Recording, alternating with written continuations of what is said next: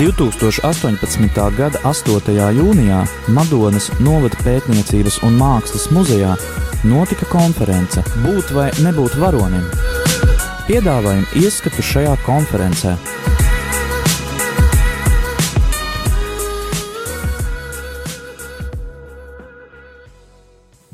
Nu, šodien mēs esam aicinājuši šeit vairākus pazīstamus Latvijas cilvēkus ar interesantu skatījumu par vīrieti, par sievieti, par varonību. Un pie mums šodien ir un sveiksim viņus, sveiksim priesteri Ronaldu Melkeru. Labdien! Profesori Anželiku Juško Štekeli. Labdien! Un māsu Sofiju. Labdien! Un tātad trešajā diskusija grupā piedalās žurnālisti Dacis Tirāne, un tas viss notiek Mansardā. Iespējams, ka arī laika gaitā viņi piepulcēsies mums uz kādiem jautājumiem. Vēlos pašā sākumā dot vārdu un aicināt visiem diskusijas dalībniekiem, mūsu sevišķi galvenajiem runātājiem nedaudz dot ieskatu par sevi un nedaudz iepazīstināt ar sevi. Kāda ir jūsu ikdiena, kur jūs strādājat, un tad turpināsim attīstīt tēmu. Jā, to mikrofoniņu, kurš ir pie vada. Jā. Iesāksim tad laikam ar mani. Mani sauc Angelika Juško Štekele. Es nāku no Reizeknes. Uh, Viesturs aizsāka laikam šo ļoti interesanto tēmu par vārdiem. Tad man šķiet, man ir ārkārtīgi veiksmīgs vārds no tā uh, ideālā sievietes tēla viedokļa, jo man vecmāmiņa nosauc par Angeliku ar tādu ļoti dziļu domu, ka es arī attaisnošu tās cerības, kādas latgales sievietes ieliek savos pēcnācējos. Nezinu, vai man tas līdz galam ir izdevies, bet visādā ziņā vārdu cenšos nest godam. Bet saistībā ar šo tēmu patiesībā uh, nedaudz nejauši laikam šeit esmu nokļuvusi, jo tad, kad Līga mani uzrunāja ar aicinājumu piedalīties šajā konferencē, viņu bija iespaidojusi pilnīgi cita tēma, kuru es uh, referēju savulaik Barondienas konferencē, un tā tēma bija par grēka izpratni latgaliešu folklorā. Un tā grēka tēma bija tik ārkārtīgi laikam aizraujoša cilvēkiem, ka patiesībā uh, man nācās vairākas reizes par to runāt, bet saistībā ar šīs dienas tēmu sieviete varone tad laikam tas grēks arī nekur tālu nav. Un patiesībā tā kā es pētu latviešu folkloru, tā ir man mīļākā tēma. Protams, es skatos plašāk folkloru, kultūra, antropoloģiju. Bet sieviete tur nenoliedzami ir, un turklāt arī no abām pusēm, kā arī šodien mums, mūsu cienījamie referenti jau stāstīja, ka tur ir gan debesis, gan zeme, gan gars, gan miesa, gan viss pārējais. Tā kā ļoti aktuāls jautājums, jo sevišķi mūsdienu sabiedrībā, ka tik ļoti aktualizējies ir jautājums par vardarbību, par sievietes lomu sabiedrībā kā tādu. Tad man šķiet, ka arī par šiem jautājumiem mēs varētu šodien parunāt. Sofijai. Tā, es te, esmu klostermāsa, mani sauc māsa Sofija. Ja runājot par vārdu, šo vārdu es pati gribēju un lūdzu, kad mums klosterī iestājoties un dodot solījumus, dot jaunu vārdu. Un šis vārds nozīmē jaunu aicinājumu. Un es vienmēr savā dzīvē um, meklēju gudrību, bet to tieši šo dieva gudrību, jo dieva gudrība spēja savienot to, kas ir cilvēcisks, un to, kas ir dievišķs. Un uh, to, kas mums varbūt prātā nav savienojams, tas ir pa spēkam dievam. Savā ikdienā es dzīvoju klosterī Rīgā. Pirmām kārtām esmu klostermāsa, bērniņa Jēzus māsa Karmelīte. Bet arī e, mana profesija e, ir saistīta ar teoloģiju. Un arī e, var pateikt, ka mm, manu pētījumu centrā ir cilvēks, sava identitāte, tieši tas, kas patiesi ir cilvēcisks un tas, ko Dievs cilvēkam ir sagatavojis, to, ko arī teica šeit lektori, mm, referenti, ka patiesībā mēs ejam pie tā, lai kļūtu par to, kas mēs esam. Un šīs dieva attēls cilvēka, diemžēl, izkropļots ar grēka realitāti, tāpēc mums tik ļoti grūti sanāk kļūt par to, kas mēs esam.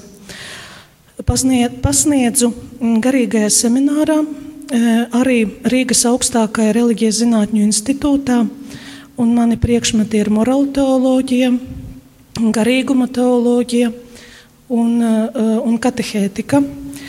Un, um, tā kā esmu teologs pēc, pēc profesijas, tāpēc arī man šī tēma ļoti interesē, ko nozīmē būt varonei sievietei.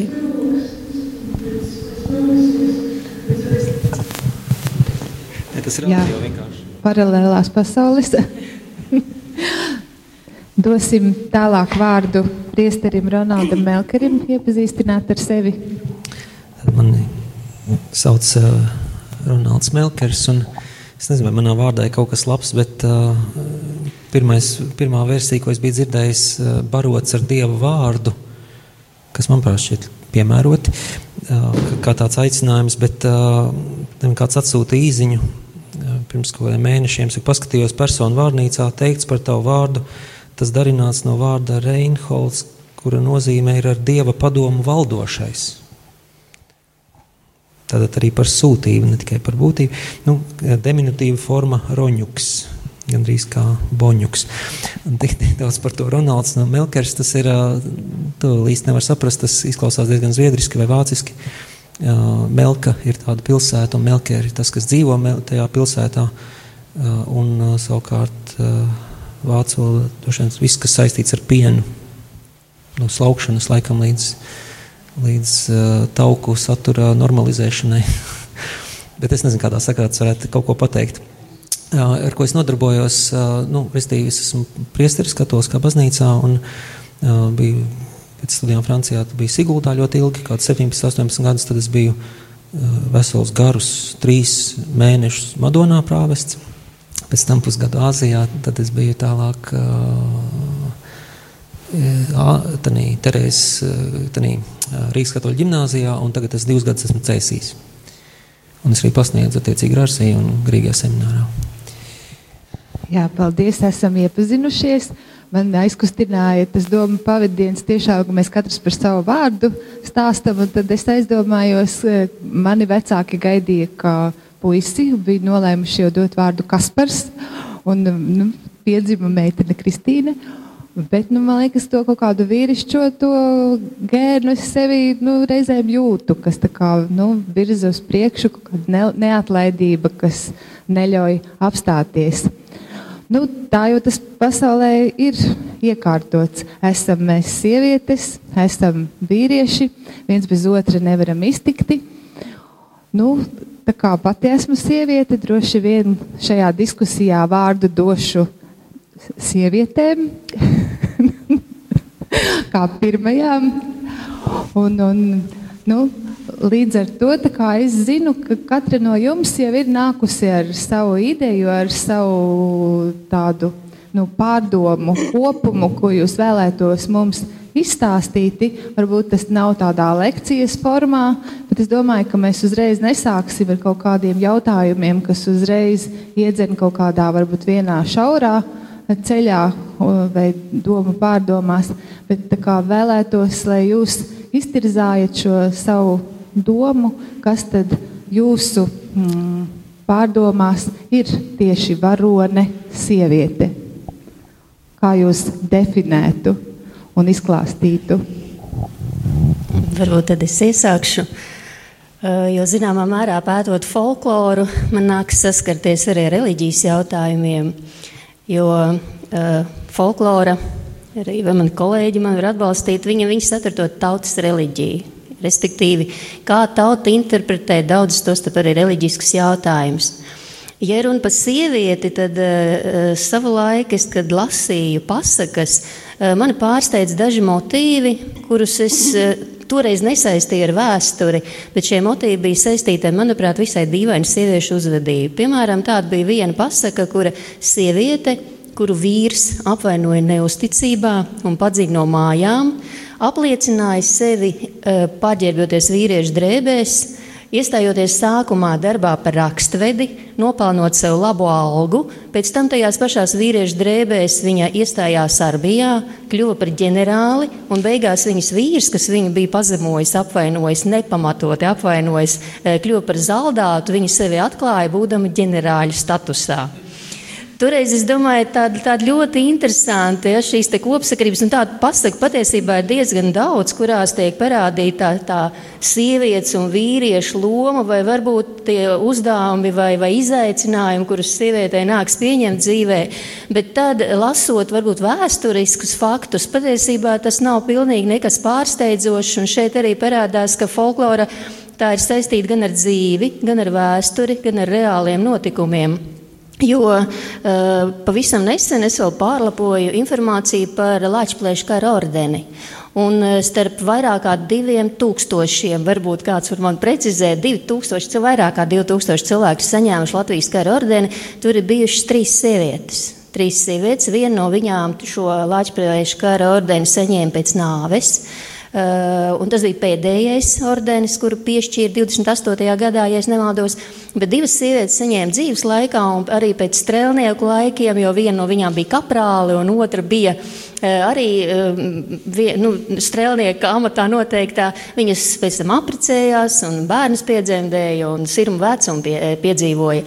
Bet tā viena no tām strēlniecēm, kaprāli, Čunka, viņas uzvārds bija, viņa, te, viņa iestājās armijā paģērbusies iesaistīties sava brāļa drānās un ar savu kritušā brāļa dokumentiem.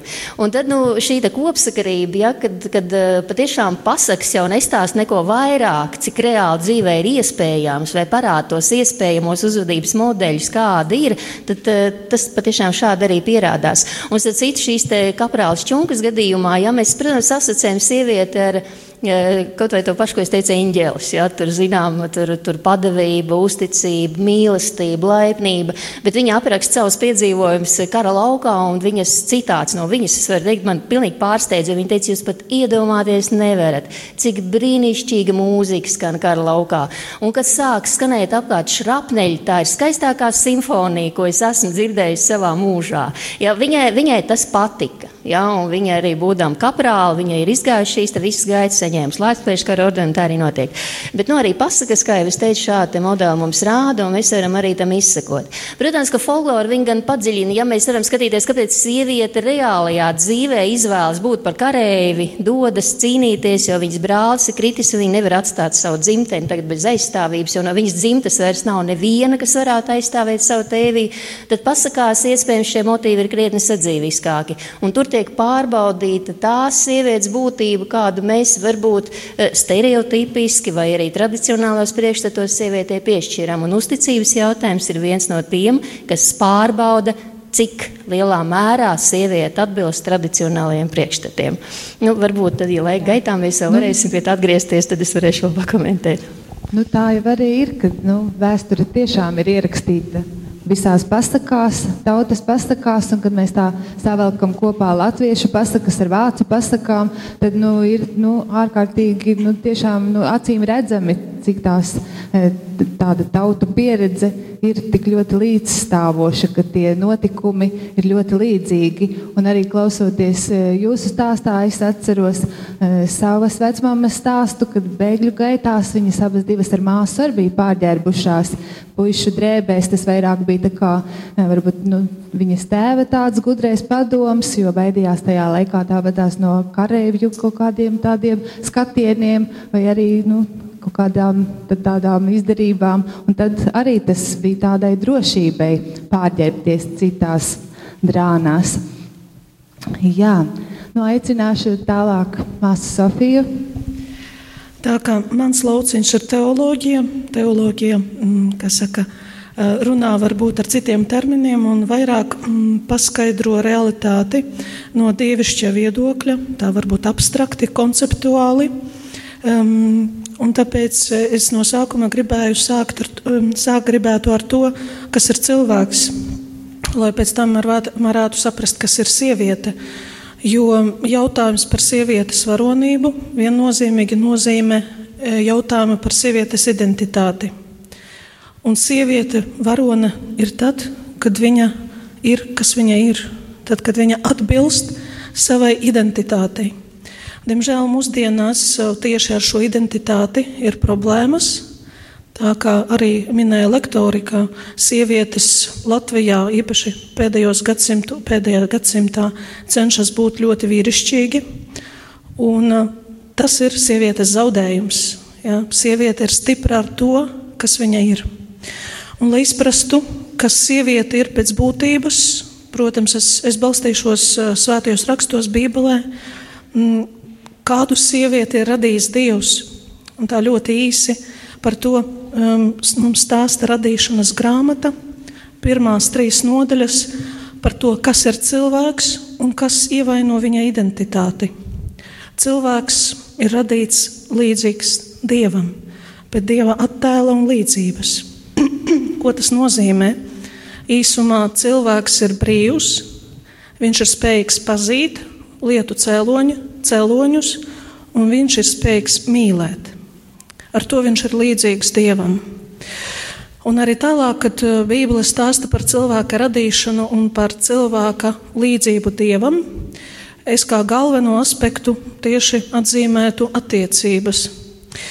Un tad, kad uh, Dievs rada tikai Ādamu, protams, tas ir tā simboliska, teoloģiska valoda, Ādamam nav labi būt vienam, Viņam ir vajadzīgs kāds vienlīdzīgs viņam, ar kuru viņš varētu būt attiecībās. Jo viņam ir Dievs, viņam ir viss, viņš var ar Dievu runāt, viņam pieder visa pasaule, viņš nosauca visus dzīvniekus vārdā, tad viņš ir tajā valdnieka pozīcijā, ar to viņš arī Dievam ir līdzīgs, bet viņam nav uh, kāda, ar kuru viņš varētu būt vienlīdzīgās attiecībās. Un tieši tad parādās Ieva.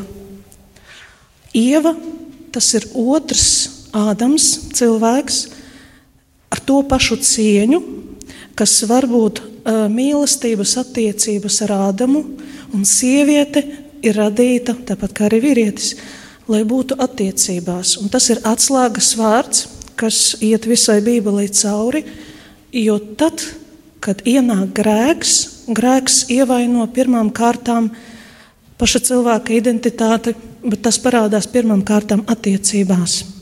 Un attiecības starp, starp vīrieti un sievieti. Um, tad, tad, kad sieviete ir radīta, viņa ir radīta vienlīdzīga vīrietim. Radīšanas stāsta nav nekādas um, nevienlīdzības, ka vīrietis būs tas, kas valda, un sieviete tas, kas ir tā, kur ir pakārtota. Kas pēc tam, jūs zināt, kā kristietība ļoti bieži šīs modelis, modelis tiek pasniegts, ka vīrietis ir tas, kas valda, un sieviete ir tā, kura pakļaujas. Patiesībā Dieva plāna tā nav bijis. Sieviete un vīrietis abi vienlīdzīgi. Sieviete ir apzīmēta Bībelē kā palīgs. Tad, tas tā, kura atbalsta vīrieti un vīrišķību. Un līdz mūsdienām šeit ir, var teikt, ka tā ir viena no cilvē, sievietes varonības izpausmēm, ka viņa nevis nomāc, bet atbalsta vīrišķību. Un, eh, es nez, nezinu, jo es neesmu ģimenes cilvēks, bet eh, patiesībā, ja es satieku pat, eh, tādu īstu vīrieti, es vienmēr zinu, ka viņam ir laba sieva, kas atbalsta viņa vīrišķību. Un, un otras puses vīrieši, kuri ir nomākti, kuri nezina, kas viņi ir, ļoti bieži ir tā, ka blakums, blakus viņam ir sieviete, kas nepalīdz viņam būt. Tātad šī realitāte, kad uh, vīrietis un sieviete vairs nav vienlīdzīgi, ienāk ar grēku. E, es godīgi sakot, nezinu, kā ārpus teoloģijas var pamatot uh, to visu, kas notiek pasaulē, ļaunums, šī nevienlīdzība, līdzība, ciešanas, sāpes.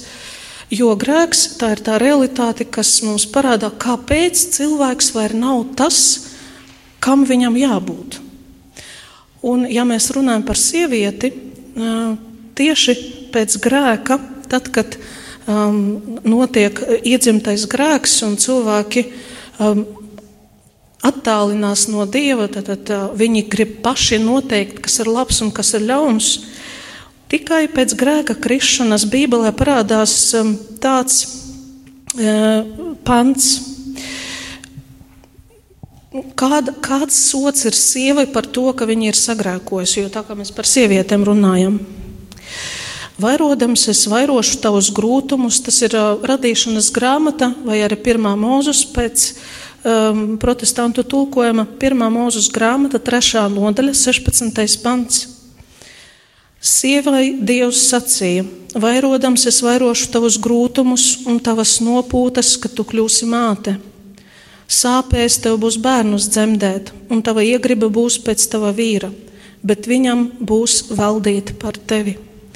Jūs redzat, kā šī vīrieša valdīšana pār sievieti, pār sievieti parādās tikai pēc grēka. Tā nebija Dieva plānā.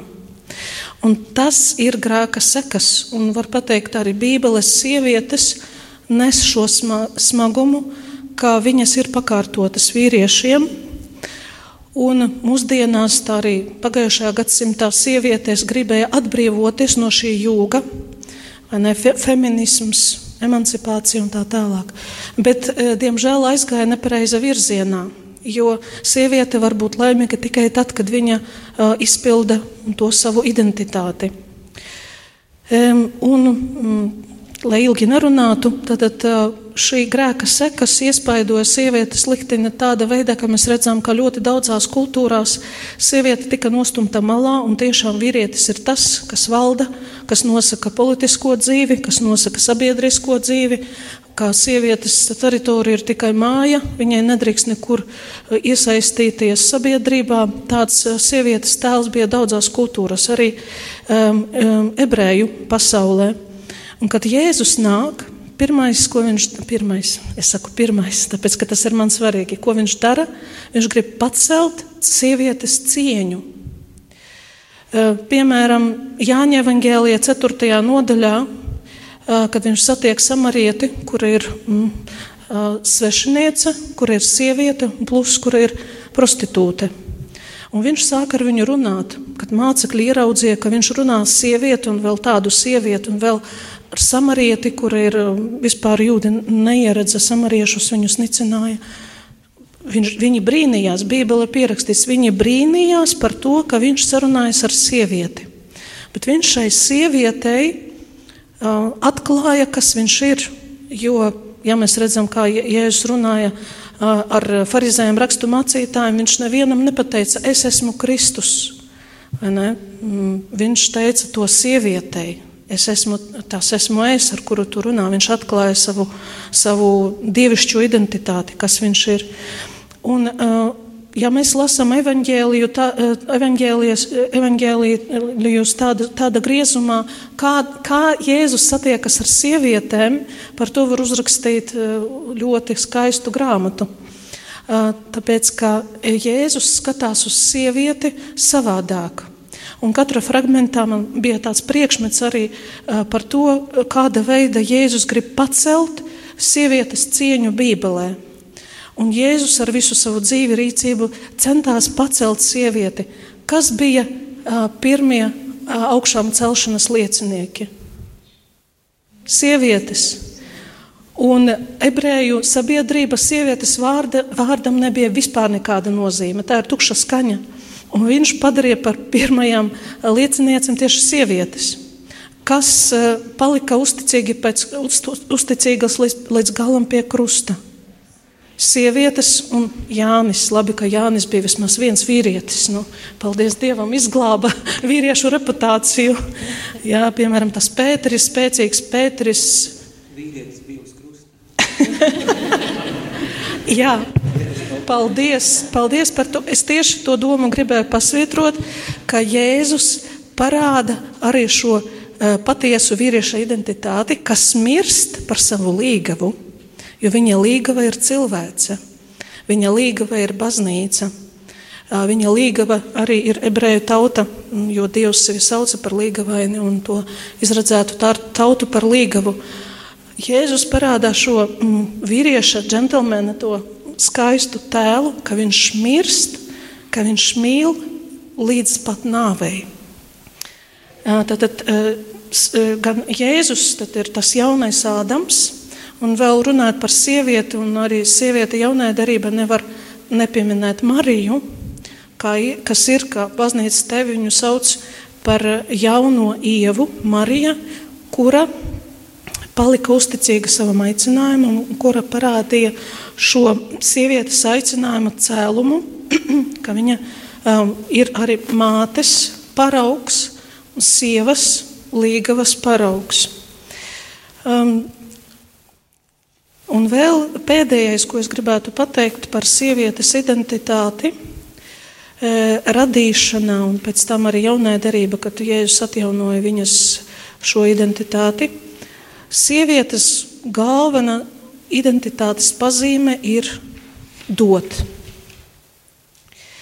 Um, Dievs, kad rada cilvēku, mēs jau atzīmējam, ka viņš rada cilvēku attiecībām, un cilvēks nav laimīgs savā, mm, savā aicinājumā, ja viņš nedod. Īpašā veidā tas attiecas uz sievieti, ka, kas tika radīta, lai būtu par māti, jo mātes būtība. Mm, tā, tā ir māte, ir tas cilvēks, kas sevi pilnībā atdod. Un, principā, ja mēs runājam par varonību, var teikt, ka katra māte ir varone. Katra māte, kura pilda savu uh, aicinājumu, viņa ir varone, jo viņa atdod savu dzīvību pilnībā bērniem, ģimenei. Tas ir, tas ir sievietes varonīgums sevi dot. Un tad, kad šeit izskanēja ļoti skaists um, definējums, kā varonība, tas ir atdot savu dzīvi par kaut kādu vērtību, kuru cilvēks vērtē augstāk par, sa, par sevi, par savu dzīvi, tad tieši šeit šī vērtība pirmam kārtam ir mīlestība. Jo mīlestības īpašība ir dot sevi. Tad, tad mm, tā kopsavilkums, tāds secinājums, sieviete ir varone, kad viņa dod sevi, kad viņa, kad viņa upurē savu dzīvi mīlestībai un izpilda savu paaicinājumu, dodot un upurējot sevi, lai rastos jauna dzīvība un uh, lai šī mīlestība mm, nes augļus. Paldies. Zinot vēsturi, mēs kļūstam paši zinošāki un varam kļūt arī pateicīgi tiešām par to, kas ir bijis par mums un kā šis laiks ir veidojies un kas mums ir dots šobrīd, kad mēs visi varam būt šeit un attīstīt sevi tālāk. Un paldies visām tiešām sievietēm, kuras ir dzīvojušas pirms mums un, darījušas visu iespējamo un neiespējamo, lai cilvēci turpinātos.